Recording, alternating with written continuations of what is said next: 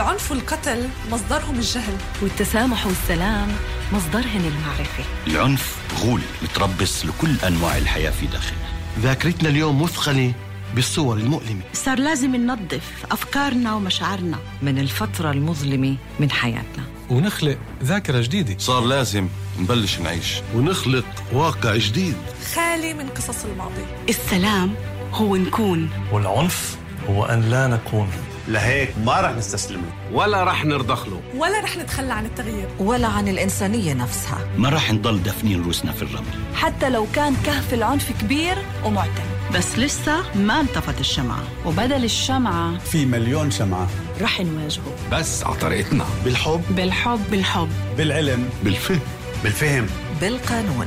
بالقانون. وبالدين. ما في أعذار. ما في أعذار. ما في صمت.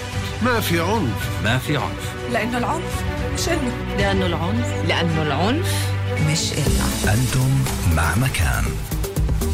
مكان. الآن في مكان. سوزان دبيني هايد بارك. مكان.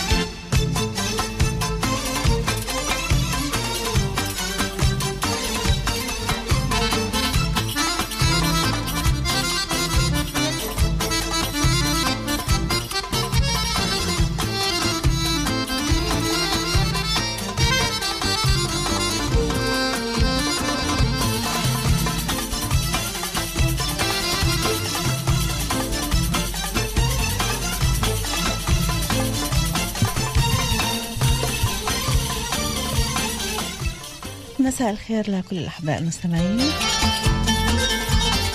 مساء الورد لعيونكم أحبائي وين ما كنتم تسمعونا. رجعنا لنلتقي فيكم بسهرة جديدة تجمعنا عبر أثير راديو مكان هايد بارك. من هلأ لغاية الساعة 11 في بث حيوة مباشر. من استديوهاتنا بحيفا. شو عملت فينا الكورونا؟ تعبنا زهقنا. ما عاد فينا حتى نلفظ هالاسم. ومع كل هذا بنقول خليكم بالبيت. ونحن هون من أجلكم.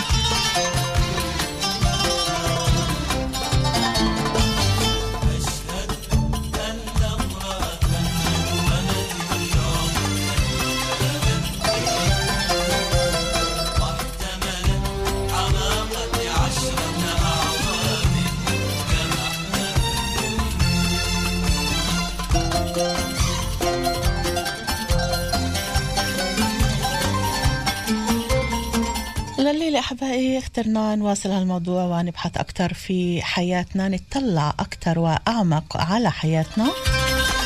هالزائر الغريب اللي زارنا هذا ومش بإرادتنا هل تقبلنا وجوده معنا ولا لا؟ وهل بعدنا مضغوطين؟ هلأ بعد فترة مش قليلة من هال هالفيروس هذا اللي أجا وزارنا. هل بعدنا مضغوطين مثل ما كنا قبل ولا تغيرت شوي الأمور وصرنا نعرف إيه نتعامل معه؟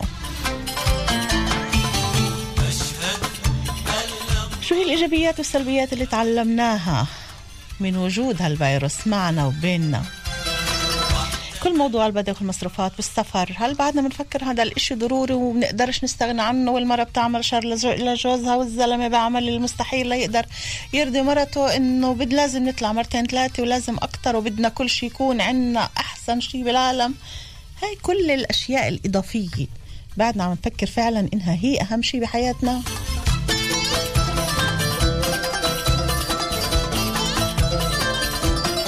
وبعد هالحجر المنزلي أو هالحبس المنزلي لفترة طويلة وبالذات للي ما عندهم هيك مجال إنهم يطلعوا ويروحوا ويشتغلوا الطرفين يكونوا مع بعض مع العائلة مع الأولاد. بعد ما اكتشفنا الوجه الآخر لشريك أو شريكة الحياة.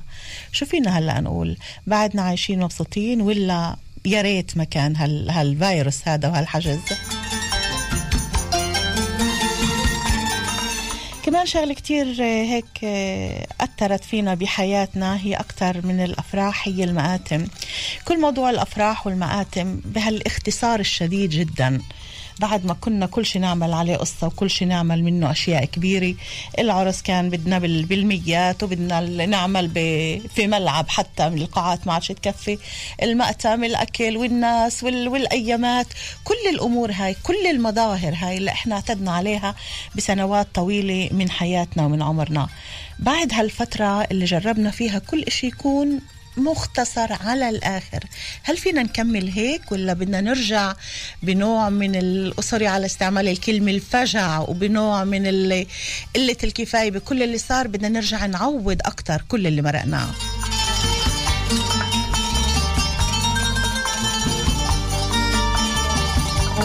كتير ناس كانت تشتغل من بيوتها بهالفترة هذه. بينما بالقبل كان لا لازم نطلع. هل تعودنا فعلا إنه نشتغل من البيت ونعرف كيف نرتب أمورنا ونشتغل من البيت؟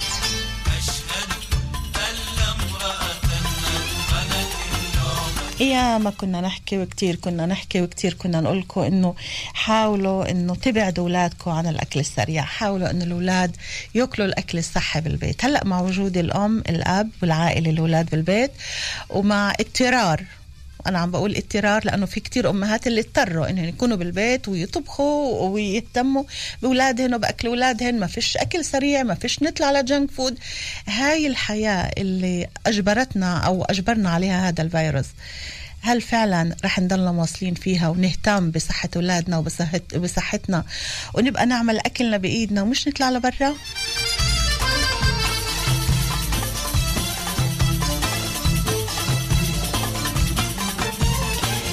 صفر سبعة اثنين ثلاثة ثلاثة خمسة خمسة تسعة تسعة ثلاثة رقم الهاتف هاتف البدال الآلية صفر سبعة اثنين ثلاثة ثلاثة خمسة خمسة تسعة تسعة ثلاثة. صفحتين على الفيسبوك سوزان سيداوي دبيني باللغتين العربية والإنجليزية. وضيوفنا لليلة عن طريق الهاتف. المستشار التربوي والمعالج الأسري يحيى حيدر. ودكتورة إنصاف أبو أحمد باحثة سلوكية. صفر سبعة اثنين ثلاثة ثلاثة خمسة خمسة تسعة تسعة ثلاثة. في الإنتاج عرين بسول وأمين سابق حين دهن هندسة إذاعية. في الإعداد والتقديم معكم دائما بكل الحب وراء الميكروفون سوزان دبيني. يا رضا الله رضا الوالدين ورضاكم أحبائي. هايد بارك أهلا بكم.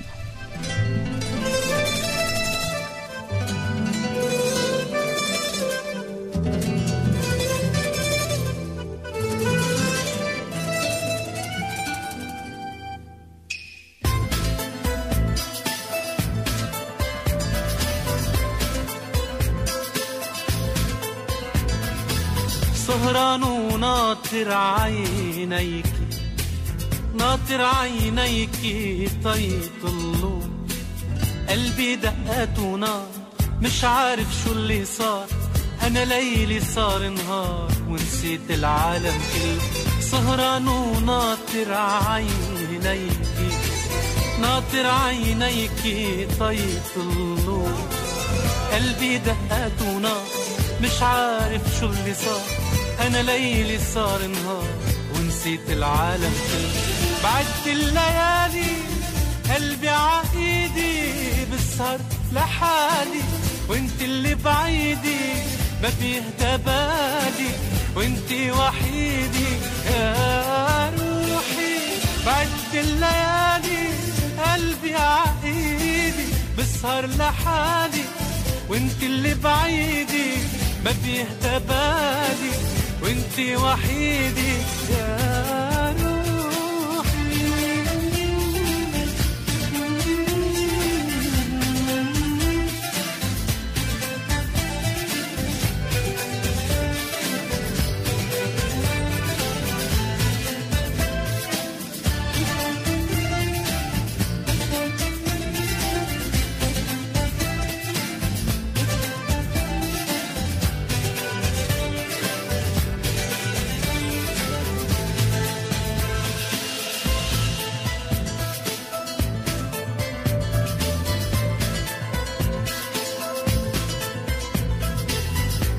بفديك بروحي وبعمري تشوفك حدي هالمرة. بسأل وينه غرامي؟ بحكي بضيع كلامي. صارت مرة أيام بغيابك صارت مرة. بفديك بروحي وبعمري تشوفك حدي هالمرة. بسأل وينه غرامي؟ بحكي بضيع كلامي. صارت مرة أيام بغيابك صارت مرة. بعد الليالي قلبي عايدي بسهر لحالي. وانت اللي بعيدي ما بيهدى بالي. وانت وحيدي يا روحي. بعد الليالي قلبي عايدي بسهر لحالي. بعد الليالي وقلبي عايدي ما بيهدى بالي وانت وحيدي يا روحي بعد الليالي بدنا نقول مساء الخير ليحيى حيدر مستشار تربوي ومعالج أسري. مساء الخير أستاذ يحيى. مساء الأنوار إلي سوزان ولكل المستمعين إن شاء الله. أهلا وسهلا فيك ومساء الورد والفل والياسمين وما يغرش يحيى لدكتورة إنساف أبو أحمد باحثة سلوكية. يسعد مساك إليك ولجميع المستمعين والمستمعات ورمضان كريم ينعاد على الجميع بالصحة والسلام يا رب. الله أكرم الله أكرم هلا موضوعنا لليوم يمكن كل واحد فيكم بمجاله إيه، أستاذ يحيى كمستشار تربوي ومعالج أسري وحضرتك إيه، انساف كباحثه سلوكية. يمكن تعبتوا على قد ما حكيتوا بهالموضوع على قد ما حاولتوا إنه يمكن تبسطوا الصورة ويمكن تعطوا هيك بعض التفاؤل للي بتوجهوا لكم. خليني أسمع بداية من كل واحد فيكم كيف عم بشوف الصورة؟ هو وبشكل عام كيف إحنا عم نتأقلم بالمجتمع هلأ باختصار وبعدين بنفوت للموضوع بتوسع أكثر تفضل يحيى. إيه، اولا أنا ما سمعتش المقدمة تبعتك الأولى. وقفت بدأت من عند ال- الأسرة والتغييرات اللي صارت الاسره نعم. إيه، أنا بفكر لشيء لكل شيء في هالدنيا فيها الجانبين فيها الجانب الطيب الحلو وفيها الجانب الظلامي والجانب الظلامي كمان مليح. أنا بقول كمان مليح يعني إنه نتعلم آه، تجربة تجربة المواجهة. أوكي. كثير أغلب الناس في العالم ما خضت هاي الأزمة في السابق. ممكن تنوعت الأزمات الداخلية في داخل البيوت من فقدان ومن حرب. ولكن على إطار عالمي يعني كل الناس خضعوا لنفس النمط الاجتماعي. بس انت عم بتشوف إنه في ضغط انت عم بتشوف إنه في ضغط. إحنا هلأ بدنا هيك باختصار نجمل الموضوع وبعدين رح نفوت لعدة نقاط اللي نبحث فيها طبعا مع اتصالات المستمعين اللي بحبوا انهم يشاركونا. عم بتشوف إنه في ضغط بالمجتمع أو الضغط نفسه اليوم مثل ما كان قبل قبل شهر وشهرين وثلاثة ولا ال- الوضع شوي عم بي عم بيصير أهون؟ آه، طبعا في بداية الأزمة بداية الحصار كان ال- الجو ضبابي ومبهم. بالتالي الوضع المبهم دائما بيثير القلق وبيثير التوتر وبيثير اسئله وإلى أيضا كثير من الناس بيؤدي إلى صدمة. صدمة إنه عدم الاعتراف اللي بيصير. نعم. ولدرجة إنه في كثير من الناس بفكر إنه خلص حياته انتهت. هاي هاي آه، ولكن طبعا بعد الصدمة وبعد ال- المعلومات اللي صارت توصل الناس عن طريق وسائل الإعلام ممكن أحيانا لبعض الناس خففت بعض الشغلات ممكن أزمت الوضع اللي كان موجود أصلا عند بعض الناس اللي هي بالأصل هي متوترة بالأصل هي بتخاف من من الوضع ال- المجهول هذا أوكي. ولكن في كثير من الناس اللي أيضا طبعا هناك مناطق مختلفة نتحدث مش أو كأنه أن نفس الأشخاص اللي بنفس النمط لا أن أنماط آه، أكيد، أكيد. ناس مختلفين. ومنهم اللي آه، يعني جربوا الحرب سابقا مثلا في الجنوب يعني المجتمع في الجنوب على مدار كذا سنوات كان في رجوع للحرب ورجوع لل هاي التجارب الخطرة الازمات الخطرة. مهم. ممكن المواجهة تختلف من إنسان إلى آخر من فئة إلى أخرى من منطقة إلى أخرى. ولكن بطبيعة الحال هذا شيء طبيعي. هذا شيء طبيعي ما إنه كان لئيم يعني كان قاسي على على الجميع حتى ال- آه، حتى آه، الأصحاء آه، منهم وهن الغالبيه من المجتمع. شافت إنه هذا الوضع هذا الوضع غريب هذا الوضع غير طبيعي. أوكي وإحنا وصلنا يمكن. لمرحلة شوي إنه آه، صرنا نقدر نتقبله. خليني اسمعك خليني بعد إذنك بس أسمع كمان آه، رأي دكتورة انساف في في البداية هيك بصورة عامة كيف عم بتشوفي حضرتك ال- الوضع من بدايته لليوم؟ ومن بعدها آه، إحنا وأنتم رح نبدأ في النقاط اللي بدنا نتحدث فيها بتوسع. أنا عمليا أخت سوزان يعني الأمر أول ما بلش بكل الوضعية جائحة الكورونا لما أجت أجت بصورة اللي هي مبهمة للجميع.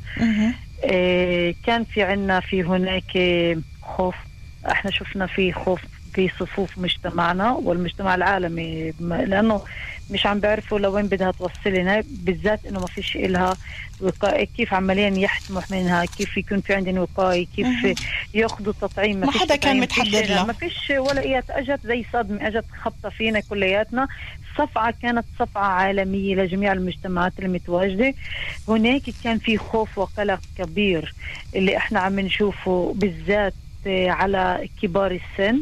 على الجدات وعلى الأجداد. وإحنا يعني من هون أنا بطلع إنه إجت الكورونا عمليا كصفعه اللي أنطتنا لنصحى في العجلات اللي كانت ماخذنا قطار الحياة اللي بيمشي فينا سريع جدا. هناك اجى ومره واحدة وقف قال استنى وين أنت رايح؟ شوف في ناس من حواليك اللي أنت كنت أنت ممكن تخسرهن اللي هن أنت مش ملتفت لإلهن فأنت لازم تنتبه لازم يكون في عندك كمان قلق عشانهن. فأنا هنا بطلع على المحنة ال- الكورونا أو اللي كانت هي صار تحولت بهاي اللحظات لمنحة. المنحة اللي أنطتنا إنه نقدر نشوف بالسلوك كثير سمعنا هالمصطلح. هذا خلينا نحوله وخلينا نتقبله من محنة لمنحة, لمنحة. ونعرف نتعامل معه وهاي وهاي المنحة هي منحة ربانية منحة من الطبيعة. تعالوا نطلع على نصف الملان من الكأس نفسه. إنه إحنا إحنا كنا في محل ومرة واحدة إحنا نزلتنا على يعني 160 درجة إحنا عمليا. نزلتنا على الجهة الثانية من ناحية لناحية من ما حدا إنه يجي ويكون جاهز لإلها كيف إنه حتى بده ينزل هذا الشيء. أو كيف بده ياخذ. طبعا هاي الضبابية اللي متواجدة بتشكل خطر علينا كلياتنا. ف كان في محل اللي الكل مجبور يتكاتف ويتعاضد مجتمع مع بعضه الإيدين متشابكة طبعا مع إنه ممنوع السلام. ولكن بالمفهوم ال- عمليا الأشياء اللي متواجد إنه إحنا كيف ناخذ إيدينا بإيدين بعض وبالأمر إنه كيف إحنا لا نصل لشط الأمان. إحنا كلياتنا مع بعض مستقبلنا واحد حياتنا واحدة. إذا بده يجي شيء فراح يكون علينا كلياتنا. ما في إنك أنت مستثنى. أو إنك أنت يعني عن حسب القاعدة. رأيك دكتورة أنساف إحنا وصلنا لهذا الواقع اللي فيه آمنا فعلا إنه فيش حدا أحسن من حدا لما الإشي بده يصير. بيصير على الكل وما حدا يعني- يقول أنا غني وأنا فقير وأنا فيش عندي يعني ما عندي اللي بدي كان الشغلة اللي بدها تصير بدها عنا- تصير على الكل إحنا كنا في هاي ال- المحنه إحنا لسه إحنا سواسي المرض ما ما بفرق أو الفيروس. أجى عشان مهم. يقول لنا فيش غني فيش فقير أنتوا كلكم بني آدمين. حتى إنه تخيلي ال- الامر قد كان في خوف في البداية حتى الناس بلشت آه، تتخلص من الحيوانات الأليفة اللي عندها. الخوف إنه تهيتن كل هالعدوى. فطلع يعني الأمر بين بين الحيوانات فيش انتقال ولكن الانتقال إحنا من البشر لبعضنا نعم. مش من الحيوان لإلنا. فتخيلي كمان هي هون أجت عشان تكون انتبهوا هذا الحيوان إنه كمان هذا عايش زي عمليا متواجد له حيزه في داخل الطبيعة. تخيلي كمان شغلة ثانية إنه إحنا بهاي الفترة بفترة الكورونا نفسها أو بال ال- كان يعني قضية الاستثنائية تبعتنا إنه إحنا نخرج للمجتمع أو إنه إحنا نسافر كثير أو لا قديش إحنا أنطينا الطبيعة لتتنفس. هذه رح نجي الطبيعة. لها دكتورة أنساف هذه هذا رح نجي لها شوي. نعم. هذا هاي. السلوك اللي كان عندنا إنه إحنا صرنا بدنا نمشي. حتى اشتقنا انه بدنا نمشي بدنا نعمل رياضة. في شغلات وسلوكيات اللي كانت في عنا في داخل حياتنا اليومية اللي إحنا غفلانين عنها. هاي السلوكيات خليني أرجع لك بعد شوي انساف رح نحكي عن السلوكيات وعن العادات والتقاليد واللي تغير فيها وكيف هال هالصدمه هاي صحتنا إلها. طبعا حضرتك باحثة سلوكية و- ورح تحكينا هلا بعد شوي عن الموضوع. بدي أرجع ليحيى حيدر. يحيى آه، كل اللي صار فينا كل هالفيروس كل هالضغوطات كل هالحبس المنزلي هذا قديش أثر على تصرفاتنا؟ هل زاد عنفنا لأنه طلع العنف اللي فينا؟ ولا خلينا نقول أكبر شنب فينا كان خايف؟ فلهيك طلع هذا طلع ال- الخوف هذا بشكل تعنيف كلامي أو جسدي على اللي قباله. إحنا من الأبحاث السابقة في مواضيع الأزمات بنقدر نفهم على إنه الأزمات وخاصة النكبات تساعد على التماسك والترابط. ولكن في نفس الوقت ما بنغفل إنه في حالات صار هناك تفكك يعني بعض العائلات بعض الأسر وبعض المجتمعات زي مجتمعنا العربي نعم. هو فعلا أدى إلى تماسك أدى إلى أكثر وعي إنه إحنا موجودين في أزمة آه، في مصيبة. وعادة المصيبة تجمع وليس وليست تفرق. أوكي. يعني بدها قوة بدها القوة الداخلية من داخل البيت. داخل البيت والأسرة النووية الأسرة ولكن هذا اللي شفناه إحنا بأرض الواقع إيه، أستاذ يحيى. هذا اللي إحنا شفناه بأرض شفنا طبعا في الإيجابيات وفي السلبيات. لا إحنا مش نحكي عن إيجابيات والسلبيات إحنا بنحكي كمان مرة لنفس الظاهرة في مسلكيات مختلفة تتعلق بالأشخاص تتعلق بالمجتمعات. مجتمعنا العربي مجتمع تقليدي مجتمع الترابط فيه قوي. طبعا أنا ما بعمم أنا بقول إنه في يعني آه، آه، ظاهرة التماسك والترابط وقت المحن نعم. هي موجودة حتى لو كان في زعل. يعني في الأسرة آه، بنسوا الزعل مرحليا وحاولوا يتكاتفوا. يتكاتفوا هنا لأنه المصيبة أجت كلها هالت على على على كل الناس على كل أفراد العيلة على كل أفراد المجتمع. كان في في مجال إنه مد إيد المساعدة إعطاء المعنويات إنه إحنا في خطر وإحنا بدنا نواجه. مع انه الحصار آه، كان عام ولكن أيضا كان خاص. الحصار هو آه، آه، كان في داخل الاسر النووية حسب يعني التعليمات كل أسرة حاولت إنها تتوحد مع نفسها مع أولاده مع مرته ويعالج الأمور بقدراته الخاصة. هذا الشيء هاي الأمور هذا اللي أنت توصلتوا في توصلتوا إلها من خلال الأوضاع أو من خلال الحالات اللي وصلت لكم إذا كان عن طريق الأولاد أو عن طريق الأهل نفسهم إنه فعلا هاي المشكلة أو هذا الفيروس اللي اجى وتسلط على هالحياة كلها على العالم كله. قدر يخلينا فعلا إحنا نحل مشاكلنا بنفسنا وقدر يخلينا نتفهم الطرف الآخر. الانطباع العام نعم. كثير من الأسرة الأسر اللي أيضا فيها مشاكل فيها مشاكل في العلاقات الأسرية في على مشاكل بين الأباء وبين الأبناء في أحيانا هجران هجران الزوج للزوجة في أحيان بوادر للطلاق. أوكي. في هاي المحن أعادت الفكرة من أول وجديد خلتنا نفكر من الأساس نعم نفكر طيب. ماذا يحدث لنا وهل نستطيع أن ندعم بعضنا البعض مم. وليس أن نساعد في هدم آه، العش الأسري أو هدم علاقاتنا نعم. الزواجية أو هدم العلاقة ما بين الأبناء طيب يعني رح نرجع نعم, نعم رح نرجع لحضرتك لنواصل معك. خلينا ناخذ بالأول آه، اتصال. ومعنا طبعا دكتور انساف آه، أبو أحمد 072 33 55993 مساء الخير. ألو مساء الخير. مساء النور يا هلا. أهلا وسهلا. معك ملهم صفدي أهلا يا ملهم كيفك؟ الحمد لله رب العالمين. أهلا وسهلا فيك. ملهم. كيف عم بتشوف نعم. الصورة أنت؟ كيف عم بتشوف الوضع؟ هلا في كتير نقاط اللي طبعا اللي إحنا عرضناها في البداية وكمان عندي على الصفحتين على الفيسبوك. كيف أنت عم بتشوف الصورة؟ طيب. أول شيء خلينا نقيم الشيء من الأساس. إحنا بقول إن الكورونا بكل حيثياته بالأول بالاخير مش فيش ولا أي حسنة. وكله كسيات كمرض يعني أو كفيروس. أوكي. ماشي؟ أما اللي الناتج اللي عمله من حواليه في كثير في كثير كثير في حسنات. أول شيء في كثير ناس وأنا بعرف من قريب ومن بعيد خلينا نقول إنه زلمة في بيته مثلا بيعرفش شيء بيطلع على الشغل بروح من الشغل اولاده ملتهين بكذا بتعرف كيف؟ ماشي حياة آه، حياة روتينية. عصرية بكل حيثياتها ماشي؟ أوكي. أما هذا هذا الفيروس خلاه يقعد بالبيت. وخلاه يعرف شو ابنه بفكر في بعض الأحيان شغل أغلب الأمور يعني. أما في بعض الأشياء صار يعرف إنه ابنه بفكر بكذا ابنه عم بيساوي كذا ابنه ما, ما يعني صار يقعد مع صار في احتواء. فاهم كيف؟ لكل العيلة مع بعضها وتكاتف بديش أجزم لك إنه مثلا 100% بس على الأقل 70% خلى الناس تعرف بعضها أكثر خلى خلى خلى خلينا نقول مرحمة أكثر الناس تخاف أكثر وخصوصا إنه اجى فترة كمان بشهر رمضان رمضان كريم على فكرة على الجميع الله أكرم. آه فخلى الناس شوية صغيرة آه تفوت تفاصيل بعضها المليحة خلينا نقول. يعرفوا بعضهن يقعدوا مع بعضهن. هاي صار لها زمان مفقودة ودي بالك كثير إحنا سبق مرة حكيت أنا وياك بالنسبة للارتباط التكنولوجي بالنت والعالم. خلانا ما, ما نحسش إنه إحنا بشر إحنا بنحس حالنا مياجن. إيه ما مش فاهم علي كيف آه بس هلأ بهاي ال- ال- المشكلة اللي إحنا وقعنا فيها هلأ فادنا كتير موضوع التكنولوجيا وموضوع التواصل عن طريق ال ال إحنا التكنولوجيا لأنه هيك هيك. صرنا بالضبط. هلأ هيك صار الفرق ما بين الاستعمال الخاطئ والاستعمال الصح.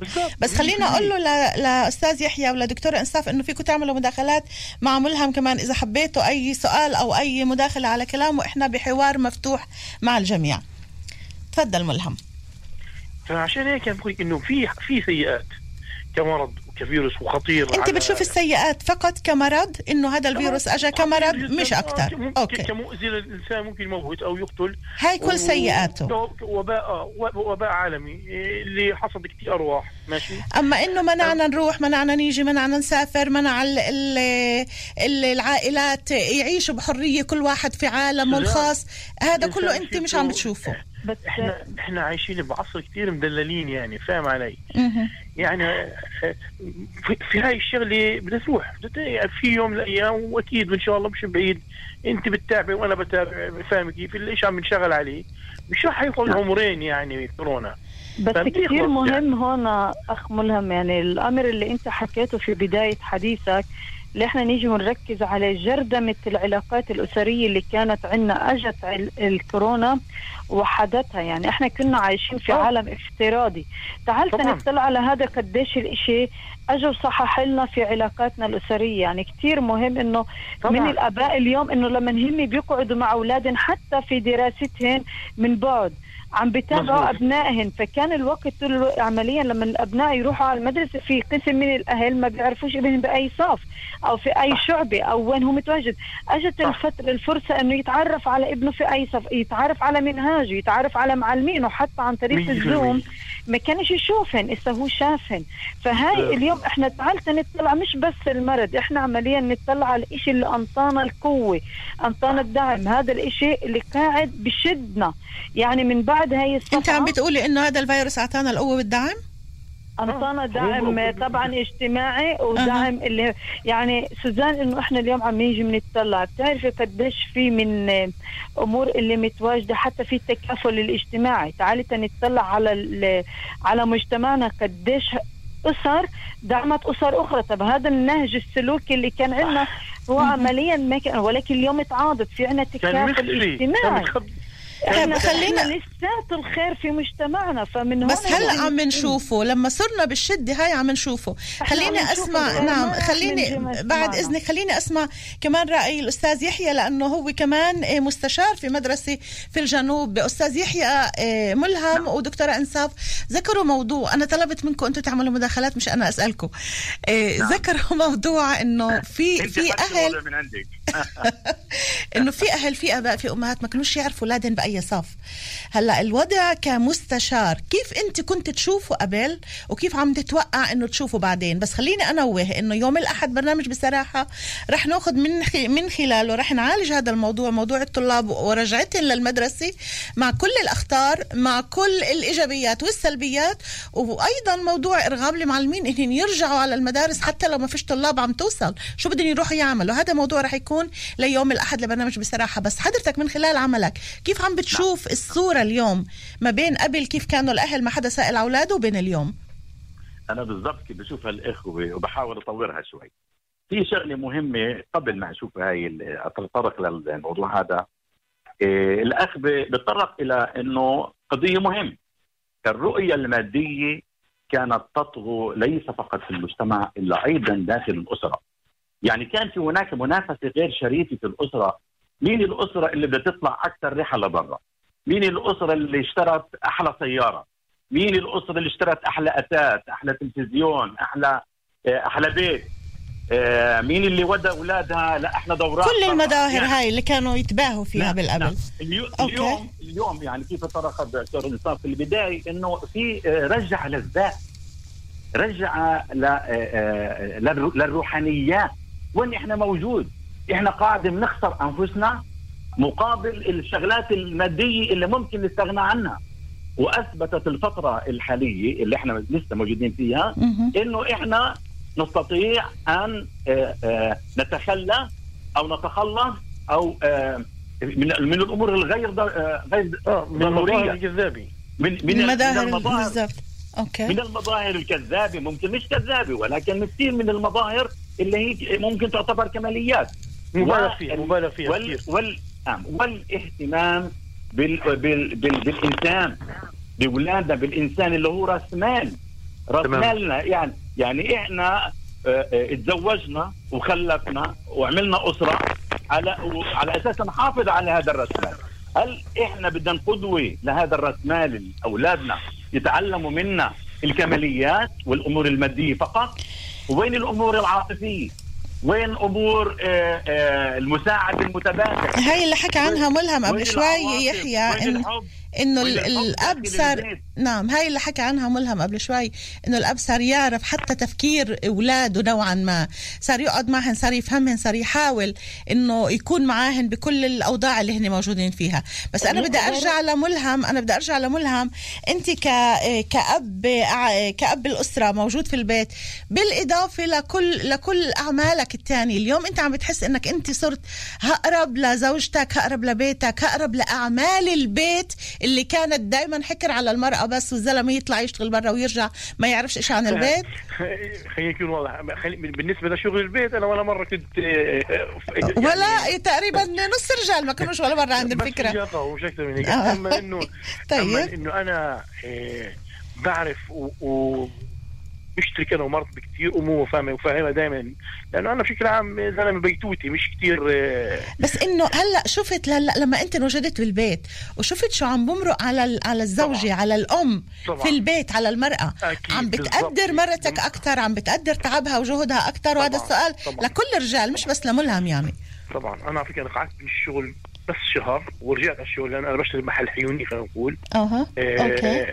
بس بالفترة اللي أنا قعدت قدامه في الشهر هذا شفت كثير كثير كثير قديش بتعاني. طبعا بالذات من الأولاد يعني.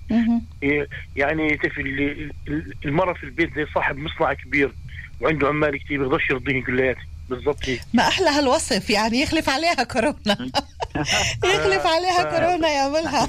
عن جد يعني يعني كمان ملهم كمان شيء. هل صار في توزيع أدوار للوظائف في داخل البيت؟ يعني طبعاً. أنت أكيد عندك أولاد في البيت طبعا م- مر وشفت مر إنه في. ضغط كبير على على مراتك في ضغط كبير وطلبت مثلا أو نوهتن أو أعطيت ملاحظة هتحكي إنه كلنا. بدنا نساعد هالام. اللي ممكن تكون ضحية ل- لفترات طويلة هل كانت فرصة لنا إن نمد لها إيد المساعدة آه،. نوزع أدوار جديد انت بتحكي مظبوط بس في كمان انت في كمان بتقول لك بس مش بس الأم مضغوطة يعني مش بس في ضغط على الأم صدق كمان في ضغط على الأولاد نفسهم. يعني انت تصور إنك تماسك ولد من 14 سنة في البيت يعني كل وقت موجود بس بالأربع حيطان أنا بحكي على الش- الشهرين اللي كان فيهم أكثر شيء حجر كانت تتذكر مش يعني الولد أنا نعم. ممنوع تطلع من البيت بعيد 100 متر. طب وين يعني إحنا بالناصر مثلا كل الناصري بتعرف قديش في ضغط سكاني إحنا عندنا؟ آه؟ وين بدي أروح بيت عني أنا أكثر شيء بينزع على الساحة عندنا أنا بلاقي مثلا فيش حدا بيطلع على الضغط محصور بين ال- النياد وبين بتعرف كيف؟ بدك تعمل له برنامج بدك تقعد معاه وترجيه مثلا إنه في الحياة مش واقفة بس وأنت من الأشخاص اللي عملوا برامج للعائلة وللأولاد طبعا طبعا. كل الاحترام. أعطينا صورة هيك إذا عندك يعني. إيش أنا- الفترة أنا هاي؟ بس بدنا على السريع هلأ ملهم لأنه في عنا ولا اتصالات. وبنكمل أنا مع ضيوفنا. تاريخ كثير أنا. حافظ تاريخ كثير فكثير بأجي بس أنا بتاريخ عده اشياء التاريخ الإسلامي وتاريخ قيام الدول وتاريخ عده امور حتى العرب- الحرب العالمية الأولى والثانية وسقوط ألمانيا وبتاع. بس أنا تحكي هني عم منين بدي يجيب أي- تسالي منين يجيبوا لك المعلومات؟ هن بفوت على جوجل بيجيبوا بعض الأحيان. وبعض الأحيان في مثلا اللي ما تعلموه اللي بعد حافظينه بتذكرهم هون فيها في شغلة آه. كمان كتير كتير مهمة إنه اليوم Google Scholar كمان إنه نعرفن إنه جوجل مش بس آه عمليا محرك إنه لتفتيش في كمان إنه إحنا ممكن ناخذ ننزل منه كتب ننزل منه كذا. بهاي الفترة ولكن هون كمان شغلة أجت فرصة مش مجرد إنه إحنا نفتش ونقرأ حتى لو إحنا كنا معانا التليفون أو أي وسيلة اتصال ممكن نحولها لأداة اللي هي كمان للقراءة. لأنه في قسم كبير طلع إحنا بنقدر نشرح على مكتبات أو هون أو هناك. فكمان هالشي كان ينطيه إنه يقدروا يفوتوا ويقرأ كمان هون الأهل صار عندهم فرصة إنه كمان يغيروا من نمط التصرف تبعهم. وهذا إنه جدا أنا بني مهم. آدم ما بقرا كمان هذا في إشي مهم لنا اليوم كمان فترة استماعهم لنشرة الأخبار. إحنا بنعرف إنه كانت هاي الفترة كثير يعني مش مجرد إنه أنا عم بمرق وخلص بدي أسمع أغاني أو بدلا لا أنا صرت أقعد قدام التلفزيون. صرت صار في عمليا توحيد لإلنا كل الأسرة إنه ع- عمليا على قبال التلفزيون. إحنا عم نشوفه عم نشاهد آه، كمشاهد آه. عم بستنى الخبر عم عم بستنى الخبر. قديش لا فشو اللي عم بيصير لبكرة إيش اللي بدي يعني تتبع الأحداث هاي اللي ما كناش إحنا ننتبه لها كمان إنه طيب. بهمنيش الأخبار أنا عايش يومي بيومي خلينا خلينا هلا نأخذ هالشيء خلينا نشكر ملهم ملهم أنا بدي أشكرك ألف شكر. وبسعدنا. دائما تكون معنا وتشاركنا والمستمعين جميعا ملهم. على فكرة هو ملهم ما شاء الله عنه. هو ملهم ما شاء الله يبارك الله. فيك دكتور. يسعدك. الله يبارك. شكرا لملهم. شكرا لك عزيزي. يا هلا فيك. باي باي. الله معك. في معنا كمان اتصال وبنواصل من بعدها مع دكتورة انساف أبو أحمد ويحيى حيدر. 072 مساء الخير. مساء الخيرات سوزانا أهلا وسهلا. كيف حالك؟ الحمد لله. مين معي؟ من يوم أن كنت في المركز الجماهيري في أبو سنان نجمة الصبح من يومها لم أتكلم معك. أهلا وسهلا فيك. تذكرين الضحك والنكت عندما كنا نسجل. طيب أنا أنا اللي بتذكرته من يمكن من بيت موسى بس بدي منير بد منير منير. أهلا وسهلا فيك. كيفك يا منير؟ طيب. يا هلا. معيني معيني جيدا سوزان. تفضل. في الكورونا عندي ملحمة شعرية ألطت 2000 سطر. أوه.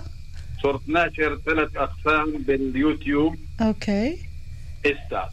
إذا كان في إمكانية أقرأ بس الجزء الأول يعني باخذ أكثر من دقيقتين شوي. بنفع إذا لا محضر مقطوعتين صغار. إذا في إمكانية للجزء هذا بقرأ. أنا أنا بف... إذا ال... ال... بس القراءة لوحدها بدون ما نفوت معك في الموضوع ممكن بس بهمني إنه أيضا تشارك معنا بسهرة حب لأنه هناك في عندنا كمان الزاوية الأدبية لل... للأشعار للقصائد وصارت اليوم قصائد الكورونا عشان اوفر عليكم إيه، بس بقرا خلي طيب. المناقشة لغيري بنفع يلا بنفع خلينا نسمع شو كاتب. آه، منير موسى عن الكورونا في شوية توابل بالأول. سوزاننا صوتك ينعش الطبيعة المتحركة والإنسان. صوت معناه زنبقة الوادي. صوت زنبقة الوادي. رحيقها يجتاح الحضر والبوادي. فتختفي الكورونا من هلع القوم والنوادي. الله الله يسعدك. يلا هذه الكلمات لجميع محبين حياتي ومن لا يحبها. وإلى كل أهلنا في دير الأسد والقرى التي لم تتعافى بعد كليا أقول لهم أقوياء أنتم. فقد غلبتم بشطارتكم وبحمايته تعالى ونحن معكم وأهنئ الصائمين حبائبنا وشعبنا كله. حلو. وأبدأ بالعنوان همع الدمع على قارات العالم السبع. هو قصيدة سيمفونية في ظل حجر الإنسانية القسري درءا للكورونا. تأليف وقراءة منير موسى بن بلدة نجمة الصبحي أبو سنان الجزء الأول. سيدنا حبيبنا العجيب. اقرأ شوي بسرعة. أنت قريب أكثر من أي وقت مضى. نريد خيمة مع سلامة ولا نهرول لنبني القباب. لو ننظف قلوبنا الزائغة وأولهم أنا كما هو الحال مع وجوهنا وأيدينا. في أي حال نصير؟ فهل يجبرنا الأسر به أن نتجلبب؟ وهل تبقى رطوبة كورونا الملعونة تغيننا أوصابا أخذت شراسة مهووسي الأطماع حبست الجهلاء والحكماء أثرياء والفقراء الفجار والأمناء الأطفال والأبرياء فهل يحكمون الصواب؟ وهل نبقى ندعي بأسا ولا نوقف بخواطر غيرنا انتهابا. سامحنا جميعا ضعفاء نحن.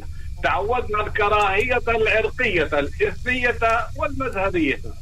تعصب التاريخ والجغرافيا ما سبب قتالا كوارثا ونوائب. حاسبين أننا نرتقي بربعنا لكننا انحدرنا إلى الحضيض. شاربين حوباء. أردنا أن نكون كلنا رؤساء. بأبخس ما يكون. شموخ يسكبه كأس الأرستقراطية والعجد انسكابا وآثر الحب بعدا غب الحجر بعد أن كان اقترابا. مرغمين غير مصدقين جاهلين متجاهلين واقعا علقما مغلابا كان الخصام محكما نواجذه. فأين كنا زمن ظهور نيسان حين أضعنا إلى خربة نوار اللوز ومسالك الورود ضربا عزيزي بعد جملة يلا بعد بعد جملة واحدة لأنه بدنا نرجع لضيوفنا. يلا. مش راح أكمل. سلبنا حقوقا مستبيحين على حلم غيرنا استقلابا مشيحين شزرا وجوهنا عن طلعة وجدة الجوزاء الجوناء سلب الضمير وهو النصاعة فأبكينا جلمودا وشعبا وشكرا لاستماعكم. شكرا أستاذ منير شكرا كثير لك وسعيده بسمع صوتك بعد هال هالفترة الطويلة هاي وإن شاء الله بتبقى بخير دائما شكرا كثير لك شو ضل عنا يعني إحنا. بعد بعد هالقصيدة الحلوة. ضل عندك تجربتك. كل واحد في تجربته. بعدين دكتور موسى أستاذي. دكتور موسى أستاذي العزيز. حبيب, حبيب قلبي أنت. أنا ب... يعني جدا بشكرك على ال... هالشعر وهالكلمات الطيبة. أنت ما شاء الله أجملت حتى اللي أنا بدي أحكيه أنا حتى ودكتور إنصاف في هذا الموضوع. بعد 1800 سطر يا رجل. بيقدروا بيقدروا يفوتوا على على اليوتيوب ويسمعوا طبعا باليوتيوب موجود آه. القصائد كلها. انت من كلمتك. شكرا لك. تحاول تقولنا خلينا نرجع إنسانية الإنسان. حلو. هاي هاي بالضبط. هالعصبية وهالدينيه وهالقومية. ولست مع الشعارات الوطنية قطعيا. طيب شكرا كثير لمنير شكرا كثير لك وسعدنا دائما تكون معنا شكرا عزيزي يعطيك العافية. خلينا نرجع ليحيى وإنصاف. وعمليا مثل ما حضرتك ذكرت أستاذ يحيى أيضا أستاذ منير جمل على قد ما في كل الوضع. بكل الأفكار الأرستقراطية بكل تصرفاتنا بكل اللي كان خلالها كم سطر مع إنه الاف الأسطر اللي كتبها بهالقصيده خلينا نرجع معاكم خلينا نرجع معاكم لنقاط اللي بهمنا جدا أيضا نتحدث عنها. دكتورة إنصاف. دكتورة إنصاف كل موضوع عاداتنا وتقاليدنا وسلوكياتنا. هل هالأزمة اللي مرينا فيها يمكن شوي رجعتنا للطريق الصح ولكن بعد ما يقولوا لنا الأزمة انتهت كيف تتوقع يكون الحال؟ غاليتي إحنا بنطلع إنه في إحنا كمجتمع إحنا مجتمع حميمي.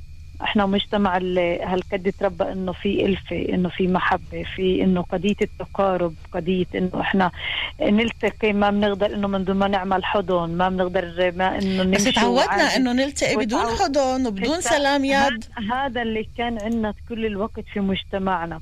ولكن اجت الكورونا وقالت لنا استنى شوي. هذا ممنوع هذا ممنوع تعمله. أنت لازم تلبس كمامة لازم تلبس كفوف. لأنك بتحبه ممنوع تقرب عليه عشانك بتحبه ممنوع تزوره عشان فهذا اللي عمل لنا سويتش أو عمل لنا التغيير اللي هو التغيير كان فيه زي ما سبق وحكيت زي السفعة استنى أنا أنا وين أنا رايح؟ كيف أنا أنا مش متعود. أنا متعود إني أروح على المطعم. أنا اليوم ممنوع مطعم. أنا بدي أكون في البيت.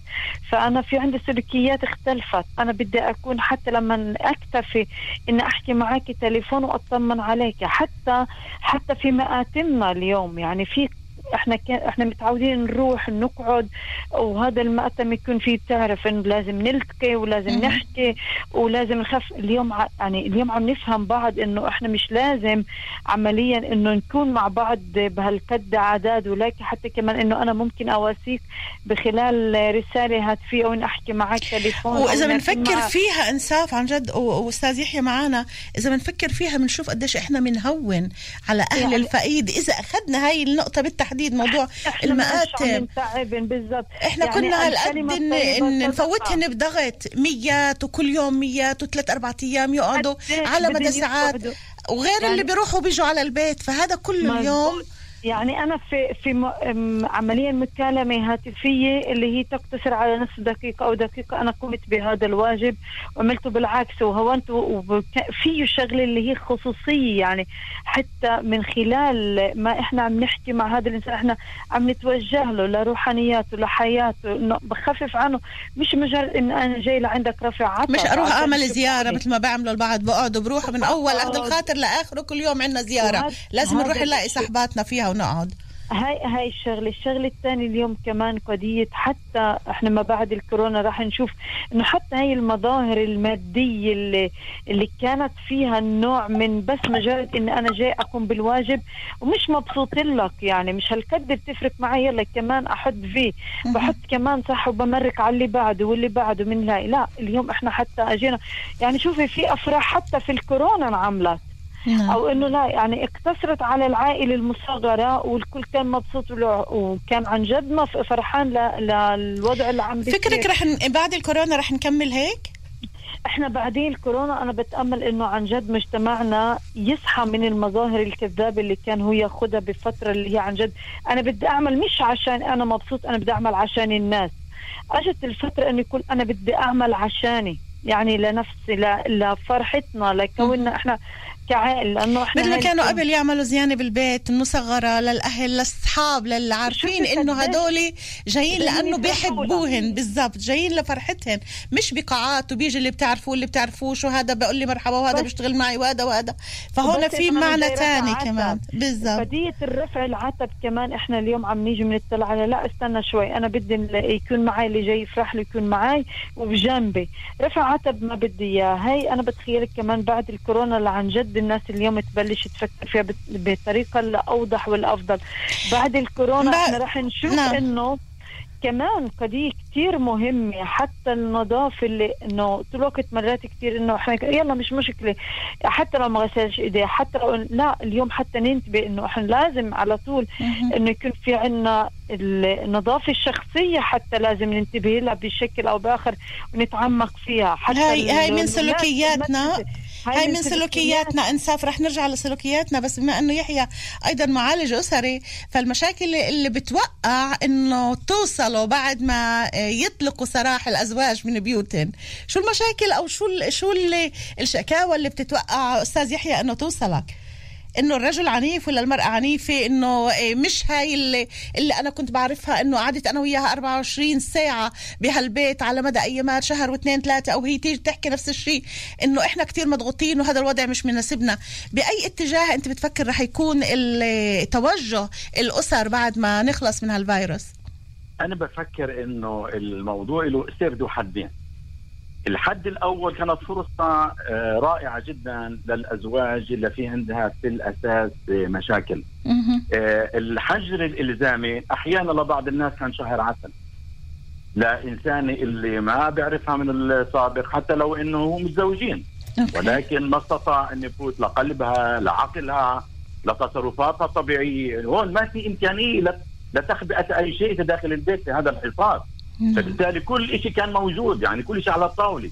يعني عم بتوقع عم تتوقع زيادة في التوجهات ولا إذا لا كان أنا إذا كانت النوايا صادقه وتجاوز كانت النية تجاوز المشاكل أنا بعتقد إنه هذا راح يقوي الدعم المعنوي ودعم الحب في داخل بين الأزواج وبين الأبناء والأبناء. ولكن اللي ما قدر يستغل يستثمر هذه الفرصة الحجر الإلزامي وصعب من أسلوبه العنيف ضد آه، زوجته ضد أولاده. أنا بتصور رح يكون عليه ضغط رح يكون عليه ضغط خارجي لما بترجع للواقع الطبيعي التي أيضا عنده آه، آه، وظائف ثانية لازم يسويها. فبفقدان هذه القوة والمعنوية اللي كان لازم يستثمرها ضاعت منه أنا بفكر ممكن أحيانا في بعض الناس وحدث على فكرة في داخل هاي في ناس. انتحرت. للأسف ممكن في مجتمعنا الحمد لله ما سمعنا. نعم، ولكن في ثانية مهم. سمعناها في أوروبا سمعناها في المجتمع الإسرائيلي اليهودي كمان فرونيها على التلفزيون. على إيش بدل هذا يحيى؟ على طلاق- إيش بدل؟ حالات- حالات طلاق ممكن أمان كمان آه، تزيد. بس هل هذا بدل إنه إحنا كنا عايشين بهذا البيت أو بهاي الأسرة غصب عنا؟ ولما صارت المناسبة إنه نتعرف على بعض أكثر اكتشفنا مساوئ بعض أكثر من إنه نتعرف على إيجابيات ال- الطرف الآخر؟ نعم إحنا هنا هون قضيتين. حتى لو كان الزواج مش بالاختيار إجباري زواج إجباري أه. ولكن في كثير ناس دورت على الشغلات الإيجابية. كمان مرة إحنا في نفس المصيبة. فبندور على الإيجابيات حتى نساعد بعضنا البعض مش نساعد بعضنا على بعضنا البعض. إلا إذا كانت الفكرة عملية التخلص. إذا إحنا بدنا نتخ- نخلص من الشريك كان هاي فترة جدا كمان آه، يعني آه، مش مليحة ولكن موجودة وممكن إنها تقود إلى هذا لهذا التصعيد حتى في العلاقة مع الأبناء في داخل البيت. هذا كمان مرة بتعلق نعم. في أسلوب الشخصية وأسلوب التربية المذوته عند هذا الإنسان. وهي مذوته في الأساس من وهي البيت. طبعا من من من ومن سلوكياتنا ومن تعليمنا. نصفي معنا بعد دقيقتين أو دقيقة ونص للأخبار. كيف كنت بتحبي آه، تضيفي هيك بعد شيء تيب بتعطينا اياه من ناحية سلوكيات؟ لأنه في عنا أخبار رح نرجع لنواصل معكم لغاية الساعة 11 أنا غالية بطلع على شغلة كتير مهمة اليوم في داخل الأسرة في داخل العائلة. آه، وإنه اليوم قضية آه، أبنائنا أبائنا أمهاتنا إنه اليوم عمليا إحنا مش ضيوف في قلب البيت وإنما إحنا شركاء في داخل البيت. وعملية الشراكة هي كتير مهمة. هذا الشيء إنه إحنا كلنا بنتحمل المصاريف وكلنا بنتحمل العبء وكلنا مع بعض. ما ضل إنه أنا بس المسؤول بس أنا بشيل الإشي لنفسي وبس. إنه أنا بدي أشارك الكل مع مع بعض لأنه إحنا كلاتنا في نفس السفينة. هالشيء هذا إحنا راح نشوفه إنه ونعمل في داخل العائلة لما في قضية المصاريف. في اليوم الاقتصاد في قضية المصاريف إنه أنا مش عم بشتغل كأب الأسرة أو مم. أنا كأم نعم. أو بالها فكيف إحنا بدنا نعمل الأشياء وبالذات إنه إذا إحنا بنطلع اليوم على رمضان في كتير حتى من ناحية اقتصادية العائلات عم تتع... تتعامل مع ذاتها في داخل هذا الشهر الكريم والشهر الفضيل إنه بشكل آخر من السنوات السابقة، في السنوات السابقة كنا نشوف الموائد تتصور تنحط بال بالفيسبوك نعم إحنا. تناولنا هذا الموضوع وحكينا عنه وتناولنا هذا كمان الموضوع نعم. وأنا اليوم بشكر يعني عمليا إنه بشرب إنه الناس عن جد وعيت لهالشيء يعني هي الصفعه عم تعطي إنه كمان ينتبهوا لهالشيء وإحنا بدنا تضل. الناس واعي لهالنقطة هذه حتى بعد ما يخلص آه، هال- الفيروس هذا ونرجع لحياتنا. بدناش نرجع لحياة المظاهر. وشوفوني يا ناس وبعد شوي رح نرجع لا نتحدث عن الموضوع بتوسع أكثر مع يحيى حيدر مستشار تربوي ومعالج أسري ومع دكتورة إنساف أبو أحمد باحثة سلوكية. إحنا باقي معنا آه، ثواني قليلة ورح نطلع لنشرة الأخبار. بعد الأخبار بنرجع لنواصل معاكم فابقوا معنا هايد بارك.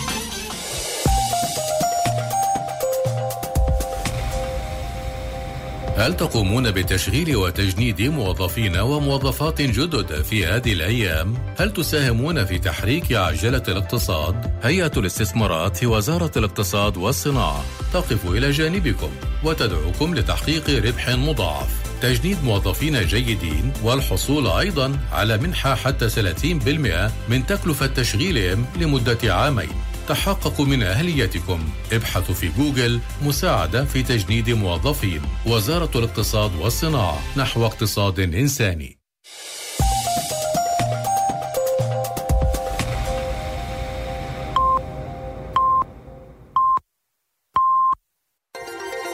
الآن ومن مكان. صوت إسرائيل. الأخبار.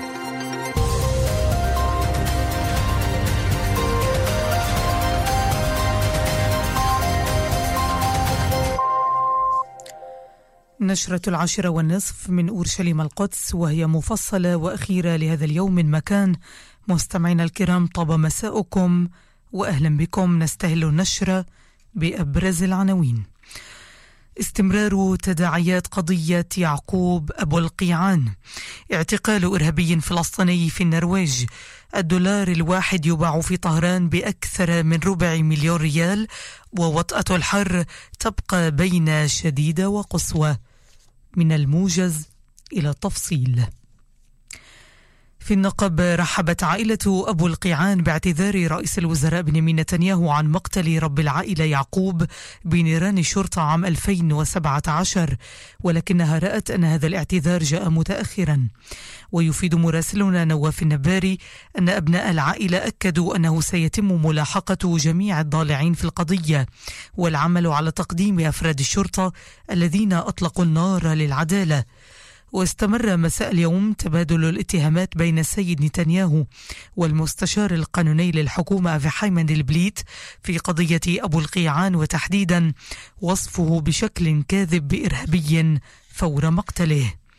هذا ويضيف مراسلنا وسام جبر أن رئيس الدولة رؤوفين ريفلين شدد على وجوب قيام الدوائر الحكومية بالاعتذار عن أخطائها ومحاسبة نفسها وإعادة التحقيق إذا اقتضت الضرورة.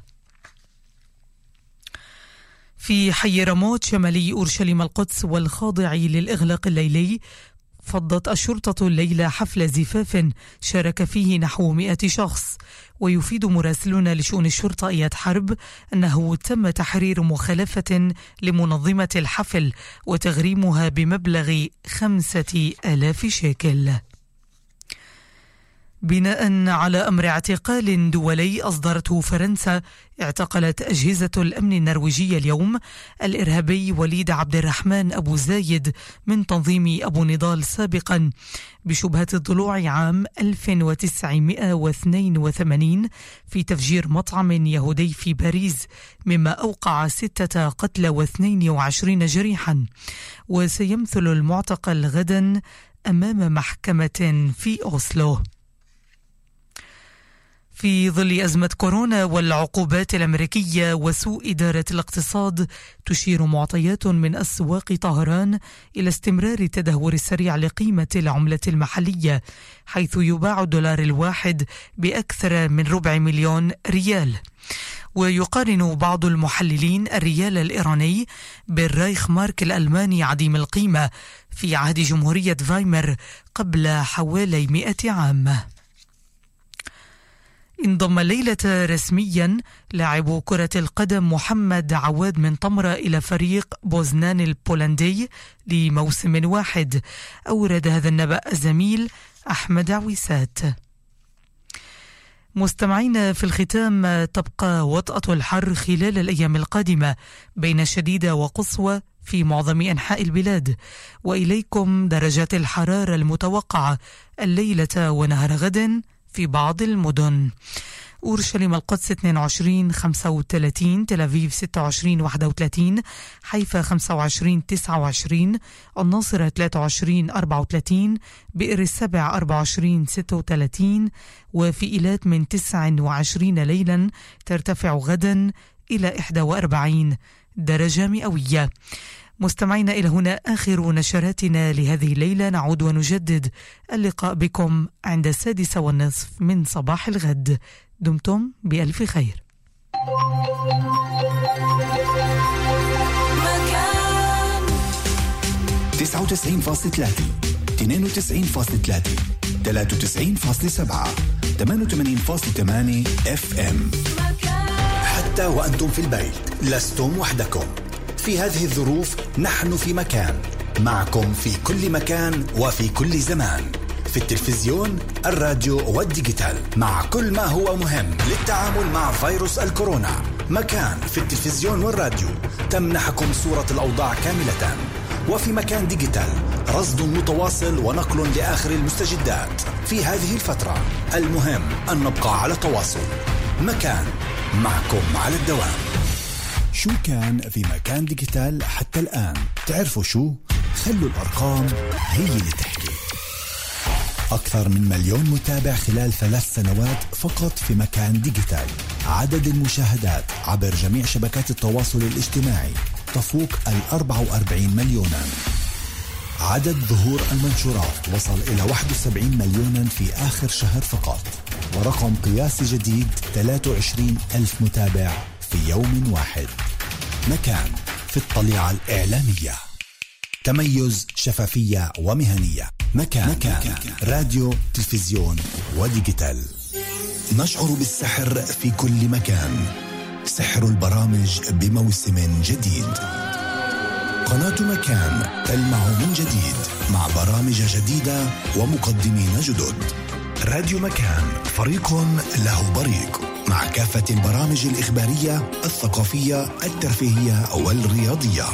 كل البرامج تنتظركم في كل وقت وفي كل مكان على مكان digital. مكان تلفزيون راديو و digital. في بريق جديد. كل يوم جمعة نادر أبو تامر يحاور في استوديو مكان إحدى أبرز شخصيات مجتمعنا. القضايا الشائقة والشائكة المثيرة للجدل نضعها على المحك طوال ساعة كاملة. على المحك مع نادر أبو تامر أيام الجمعة في الواحدة والنصف. مرحبا أنا رانيا رشيد وبسعدني أن أقرأ على مسامعكم من إنتاجكم الأدبي. راديو مكان تعطي منبر للشعراء المحليين من الاثنين حتى الجمعة. رانيا راح تسلط الضوء على سيرة حياة الأدباء وإنتاجهم الأدبي. كل القصائد من الاثنين حتى الجمعة بعد أخبار السابعة والنصف. شكرا لكم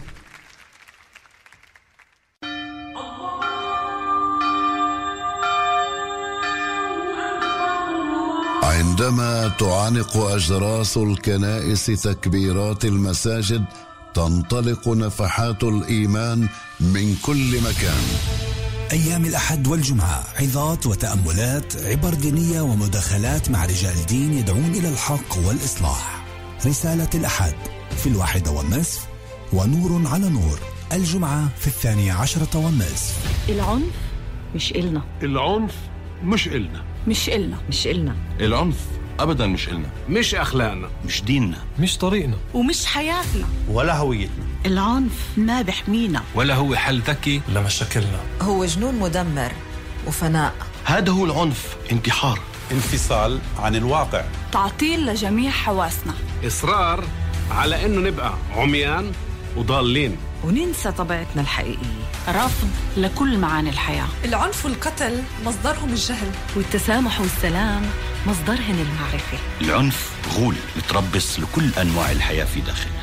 ذاكرتنا اليوم مثقلة بالصور المؤلمة. صار لازم ننظف أفكارنا ومشاعرنا من الفترة المظلمة من حياتنا. ونخلق ذاكرة جديدة. صار لازم نبلش نعيش. ونخلق واقع جديد. خالي من قصص الماضي. السلام هو نكون. والعنف هو أن لا نكون. لهيك ما رح نستسلم له ولا رح نرضخ له. ولا رح نتخلى عن التغيير. ولا عن الإنسانية نفسها. ما رح نضل دفنين روسنا في الرمل. حتى لو كان كهف العنف كبير ومعتم. بس لسه ما انطفت الشمعة. وبدل الشمعة في مليون شمعة. رح نواجهه. بس على طريقتنا. بالحب. بالحب بالحب. بالعلم. بالفهم. بالفهم. بالقانون. بالقانون. وبالدين. ما في أعذار. ما في أعذار. ما في صمت.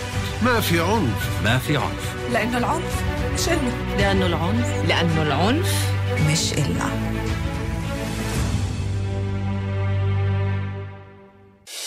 أنتم مع مكان. مكان. الآن في مكان. سوزان دبيني هايد بارك. مكان.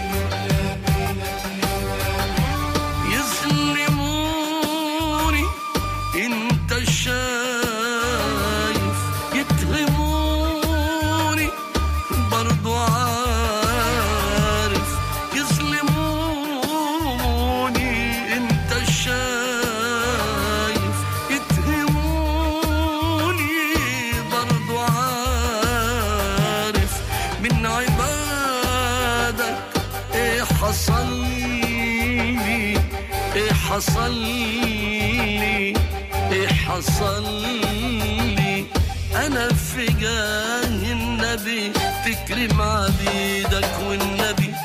أنا في جاه النبي تقبل صلاتي على النبي لأجل النبي لأجل النبي لأجل النبي.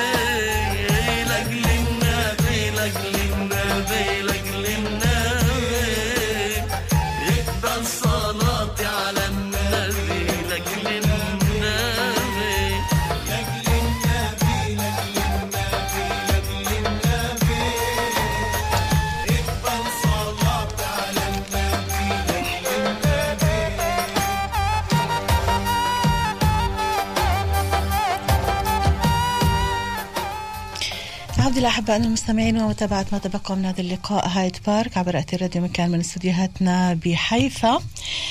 ومعنا على الخط الهاتفي دكتورة إنساف أبو أحمد باحثة سلوكية. مساء الخير مرة ثانية. دكتورة إنساف هلا يسعد مساك أهلا وسهلا فيك. ومعنا يحيى حيدر مستشار تربوي ومعالج أسري. مساء الخير أستاذ يحيى. الله يسعدكم يا رب الجميع. هلا. شو هالأغاني اللي بتجيبيها؟ عجبتك؟ تواصل الأغنية الأولى مع الحبيب. والثاني كمان مع الحبيب مع الله عز وجل ومع الأنبياء. رائعه أنت. تسلم تسلم لي الله يخليك. إيه وأنا هيك عم بتصفح على ال- الفيسبوك عم بتطلع في عندي مستمعة اسمها إيه وفاء إيه رواجدي. وفاء كتبت شغلات هالقد حلوة عن موضوع الكورونا. عم تقول الكورونا علمتنا إنه الصلاة اتصال مع الله وليس مع الجماعة والكورونا اجى يعطينا دروس. كيف نتصرف بالفلوس وكيف نروض النفوس وعلى كرامة غيرنا ما ندوس فأنا بدي أوجه لها تحية كتير كبيرة لوفاء وشكرا كتير على مداخلتها دائما معنا. خلينا نرجع هلأ لضيوفنا. فيش معنا كتير وقت معنا شي آه، ربع ساعة تقريبا اللي, اللي بقيوا معنا. وفي بعد هيك شغلات بدنا نسمعها من دكتورة إنصاف ومنك يحيى عن عاداتنا عن تقاليدنا عن كل اللي عم بمر علينا وقديش في هالشغلة هل هل تعلمنا عن جد إحنا ولا لا؟ مين بحب يبدأ؟ تفضلوا. رح أترك ممكن. الاختيار إلكم ممكن إنصاف دكتور إنصاف؟ فيش لحتى ولا بعد تسلم يلا. بس لا لا تفوتينا مداخلات.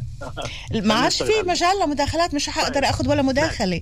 يلا في بعض تفضلوا الأفكار قبل ما أنساها أنا.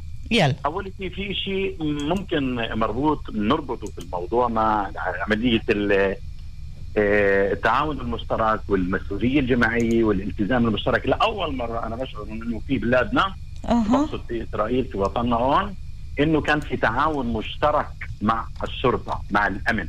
نعم. وبقناعة لم يكن مجبرا على ذلك ولا أي إنسان ولا أي مجموعة. يعني العرب لم يكونوا مجبرين على ذلك إلا إلا يعني تواصل مفهوم القناعة والوعي بالتعاون مع الشرطة للمصلحه العامة. بس و- التعاون مع الشرطة التعاون كان من قبل الشرطة مش مع الشرطة. يعني إلا ما كانت لعبة البس والفار ال- الشرطة مش هون معناها أنا بطلع الشرطة مش هون معناها أنا بمشي بدون كمامة يعني كنا نحاول كنا نحاول إنه آه، نت نتغلب عليهن زي كأنه إحنا فايتين ب- في مسابقة معهن. حتى ولكن ولو كان حتى نعم. لو كان يعني وعي كاذب ولكن هو كان في تعاون. نعم. ولأول مرة أنا بشعر يعني كل الوقت إحنا كنا في صراع دائم. في القضايا العامة. واليوم إحنا والشرطه متفاهمين إنه لمصلحتنا. لا لا لا- لحياتنا. حياتنا مقدسة اهم من أي شيء. نعم. والشيء الثاني اللي آه، تشكر فيه أماني أنا بدي أنت عارفين أنا إنسان طليق يعني. المسؤولية الجماعية السياسية. القائمة المشتركة لعبت دورا إيجابيا وحاولت أن تتعالى عن الخلافات والاختلافات اللي كانت قبل شهر أو أكثر وأن تصوت كل الوقت. لصالح القضايا العامة الوطنية العامة بقصد الوطنية الخاصه بالعرب واليهود. هذا يعني أنا أتأمل من القيادة العامة في إسرائيل من رئيس الحكومة من الوزارات المختلفة أن تأخذ بعين الاعتبار. هذا مدخل للتسامح هذا مدخل للمشاركة الفعالة للمواطن الفعالي للمساواة. بنتامل إنه إن بنتامل إنه يمشوا بنفس الخط ما ما يصيرش في تغييرات لبعدين؟ لأنه انت بتعرف الواحد في عز في عز السياسة سياسه فيش عليها أمان. وبعز ال- ال- المصيبة إذا فينا نقول بتلاقي الكل بتكتل مع بعض. شوي صغير ناخذ نفس كل واحد بيروح. لاتجاه. طيب للأسف. خليني القضية- نعم. نعم شو تقولي لا اخذ إنصاف ولا أكمل النقطتين؟ آه طيب يلا كمل النقطتين وبعدين. بدي انقل لانساف ماشي. القضية قضية الترشيد الاقتصادي يعني نعم. أنا آه كنت مبسوط كثير كثير من آه بعض الناس اللي عملوا الأعراس مختصرة مهم. يعني إن كانت آه خطب إن كانت أعراس إن كانت في الجنوب ولا في الشمال يعني الحقيقة إنه سياسة الحشد والضغط الحشد دائما إنه إحنا لازم نصف مع المجموعة يعني لو كانت ربحانة لو كانت خسرانة لو العريس أو أهل العريس بدهم يتدينوا الملايين بعد العرس أو بعد المناسبة مش مهم المهم ان أنا أرضي الناس. لا هنا كان الرجوع للذات واتخاذ القرار الشخصي. يعني مضبوط فيها رجوع آه، في بعض الشيء. كنا مرغمين. كنا مرغمين. يحيى. كنا مرغمين غصب عنا. مجبر أخاك لا بطل يا عمي. مجبر أخاك لا بطل. لا بطل فاليوم لا. اليوم أنا أستطيع. يعني من هاي ال... هاي فرصة لأنه آه، آه، عصر الكورونا فترة الكورونا ورمضان إحنا موجودين في رمضان ومصاريف هائلة. فاليوم الناس استوعبت إذا أنا بقدر أتخلى عن رحلة أو إذا بقدر أتخلى عن إنه ما أروح على مطعم يومين في الأسبوع أنا ومراتي وأنا أولادي. وباستطاعتي ان نأكل ونطبخ مع بعضنا البعض في البيت. باستطاعتي ان أنا أدعي أهلي إخوتي نعم. أولاد عمي أش... كثير أشياء تغيرت. بعد في عندك كمان نقطة ولا بقدر أنقل لأنصاف؟ بدي أخلي النقطة الأخيرة. طبعا. بدي أخلي النقطة الأخيرة. نقاط بعد نقاط. بدي أكون منصفة يا يحيى. الإنصاف. تفضل لا بما. انه بما إنه الإشي كمان آه هو تكمل عمليا للحديث اللي حضرتك كمان ذكرته معادن الناس هل هي معادننا صالحة ولا إحنا بنتشكل كيف بدنا كل الأمور اللي هلأ حكى آه، عنها أستاذ يحيى هل ممكن تتواصل ولا لا؟ هلا كان عندنا بالقبل خوف من إنه إحنا عايشين في في وضع آه، بطرانين من كل شيء ولا إشي معبي عنا فيش إشي مكفينا وصلنا لوضع إنه انحبسنا. صارت الحيوانات برا تمشي بالشوارع والبيوت في ال... وال... والناس في البيوت. هي اللي عم تتفرج علينا وإحنا بالضبط. بالضبط. فهذا هذا بيقول إنه هذا الوضع الخوف اللي إحنا كنا فيه وال وال والجهل اللي كنا عايشينه قبل بعد هاي الأزمة سلوكياتنا كيف رح تكون؟ هل إحنا كمجتمع عربي معدننا لقد فعلا صالح ولا بتغير وبتشكل حسب الأوقات دكتورة إنصاف؟ أنا مما لا شك فيه يعني في مجتمعنا اللي بآمن فيه الخير فيه لنهاية اليوم يعني إنه طول الوقت بحياتنا في في عملين ليوم الدين إحنا فينا الخير. الخير مش مكلوم من مجتمعنا. مجتمعنا مجتمع متحابب متعاضد بيؤمن في العطاء بيؤمن بالمحبة بيؤمن إنه لازم إحنا نوقف بجنب بعض في المحن. وهي أكبر أكبر وضعية إحنا عشناها وأكبر محنة أو منحة عشناها. مع بعض لنشوف بعض على حقيقتنا. آه بس الحقيقة اللي كانت معلش بدك تسمحي لي أقاطعك يمكن كمان آه، آه، يحيى. الحقيقة اللي كانت كنا عايشينها إنه إحنا مجتمع متفكك أسر متفككة. إحنا إحنا بطلنا إحنا نحكي. بلساننا وبالعقل وبالفكر بالمنطق كنا نحكي بإيدينا وبالسلاح وبال- وبالضرب وبالقتل. وللأسف لحديت إنه امبارحيات يعني إنه قبل الإفطار كان في جريمة قتل في في أم الفحم.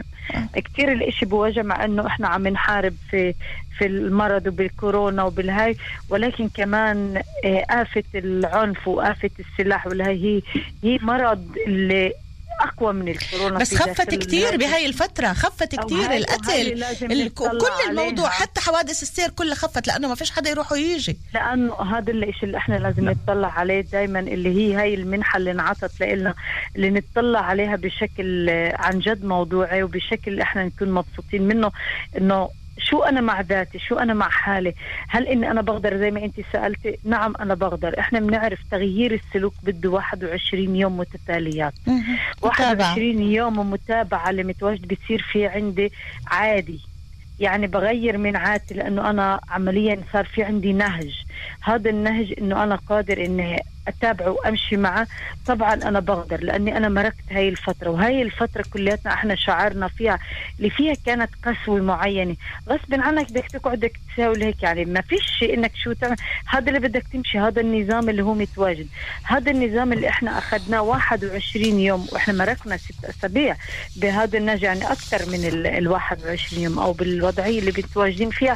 فإحنا عم نشوف إنه الناس اليوم لما بدها تخرج هي عمليا بعدها متواجدة بهذا الشيء فهي بدها متابعة. يعني هون في حتى لما عم بيحاولوا يرجعونا إيه، بشكل تدريجي إحنا لازم نبلش كمان نعمل حساباتنا نعمل ال- الوضعية القائمة اللي إحنا بدنا نشتغل عليها. شو حبينا من هذا ال- من هذا الحجر؟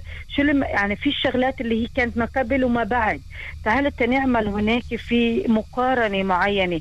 يعني الأم اللي كانت ما تعجن أنت تخيلي سوزان في نساء كثير اللي من زمان ما عجنوا في بيتهم وما عملت منفوشة وما عملت شوفي قديش رجعت للمطبخ؟ انصاف أنا اليوم بعجن وبخبز. ويعني ع- عادة الأكل البيت أنا دائما موجود عندي ولا مرة بجيب أشياء من برا بس بهاي الفترة صرت أعجن وصرت أخبز وصرت أعمل. كعك وصرت ما بعرف شو. يعني كمان؟ يعني حياة تانية أول- يحيى. من هيك. ولا أجمل من هيك. ولا يعني أجمل من شوفي، هيك. أنا أول أول ما بلشت قضية جائحة الكورونا كله عم بيروح وعم بيشتري طحين أقول يا ربي طيب نسائنا عم تعرف تعجن تعرف شو يتعلموا. خليها بدها تتعلم فهاي الست اللي كانت تروح وبس تشتري وبس تستهلك صارت هي منتجة. فابنها عم بتعلم كمان عملية الإنتاج. وعن عمليا هي صارت ست مدبرة في داخل بيتها. فكتير من من الرجال أو من النساء اللي أجوا طلعوا على قديش وفروا من عدم طلعاتهم والبذخ واللي هن اليوم هن وفروا. وبنفس الوقت هن عم بيشوفوا هاي الشغلات. بالعكس هيك أنت عم بتقولي أنا بفوت على المطبخ. أنا عم بشوف الشيء طالما أذكى الكل. يعني كربة ربة منزل. عم بتكون هالقد في عندها تدبير هالقد عم تنطي يعني عم تنطي مع كيف مع نفس كتير طيب إنه هي عم تدعم عيلتها عم تعمل إشي حلو. مش مجرد هي مستهلكة يعني حتى هي الكعكة اللي عم بتسويها في لها طعم آخر. إحنا عمليا يعني انت ال- بتقولي دكتور إنصاف ال- الأم أصبحت قدوة حقيقية. فعلا. هي هون- فعلا يحيى هي- هاي هي الجملة. ممتازة فعلا. اليوم قادمين هي على زواج كثير هي من بناتنا. القدوة. هي القدوة. لبناتها نعم. لأبنائها. ل-. للكل حتى حتى عم بتشوف. إنه أنا إنه أنا شريكه بكل شيء تعالوا أنتم شاركوني حتى مطبخها اللي هو كان محتكر يعني في في كثير من البيوت اللي كانت تعمل المطبخ هو منظر لا أكثر ولا اليوم أقل. صاروا يستعملوه هي هي عم تستعمله هي عم بتفوت هناك عم تشتغل عم تتعرف عليه كل العيلة تعرفت على المطبخ شو إحنا بدنا نسوي كيف إحنا بدنا ننتج هل إنه أنا إذا أنا بروح على المطعم بكلف. كيف؟ طبيعي. أنت طبخت أنت طبخت يحيى و... يعني أنت هسه مع رمضان معناته لف الدوالي عليك هاي لا خلص أكلوها رجال علقوا فيها غير شكل علي. الشيء الثاني اللي إحنا عم نتطلع عليه من شكل أو بآخر حتى إنه الشركاء اللي هن متواجدين إنه إحنا عم ننزل بنشتري الخضار وبنشتري غيره. اذا أنا لازم أنزل وأشتري وأعرف كيف حتى انتك الأمور وفقط اللي أنا بحاجة له في البيت. يعني أنا صرت أعمل ميزانية مدخولات مصروفات.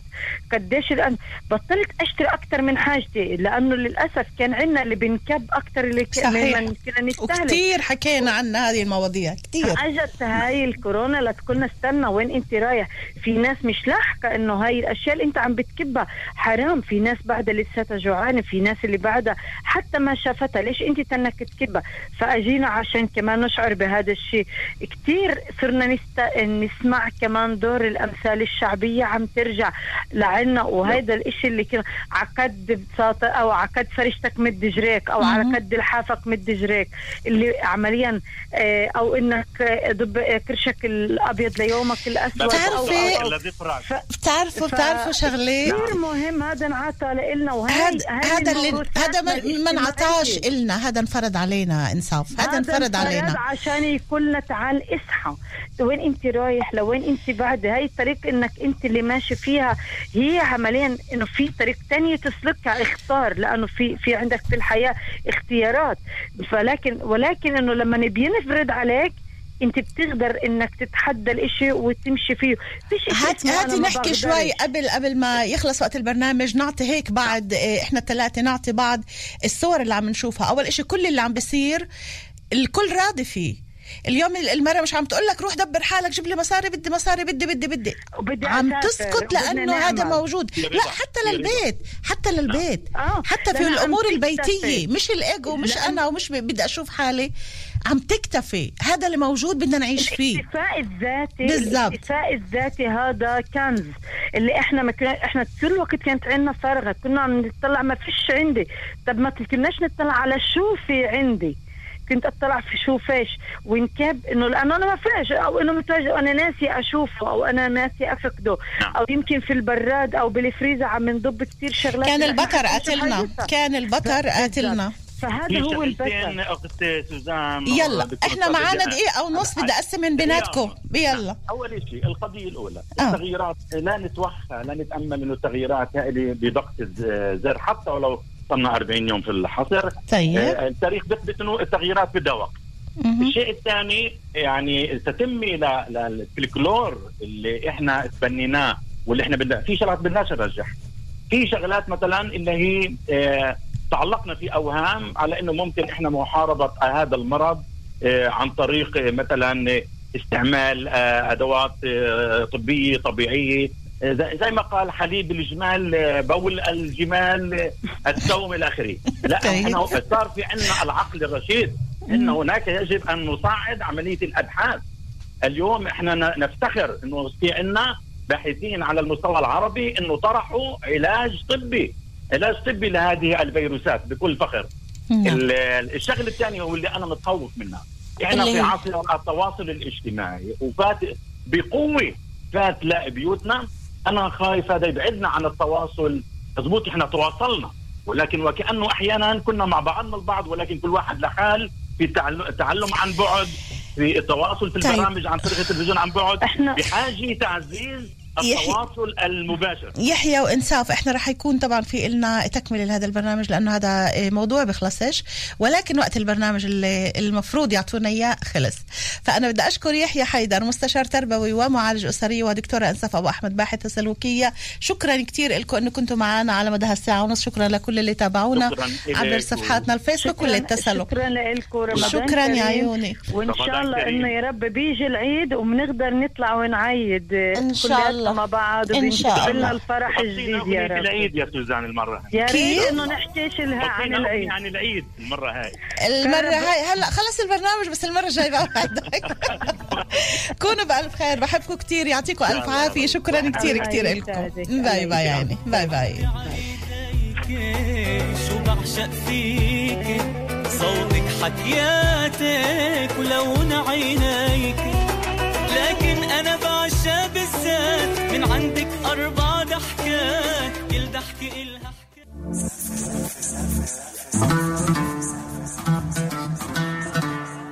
يا مسافر. وحدة.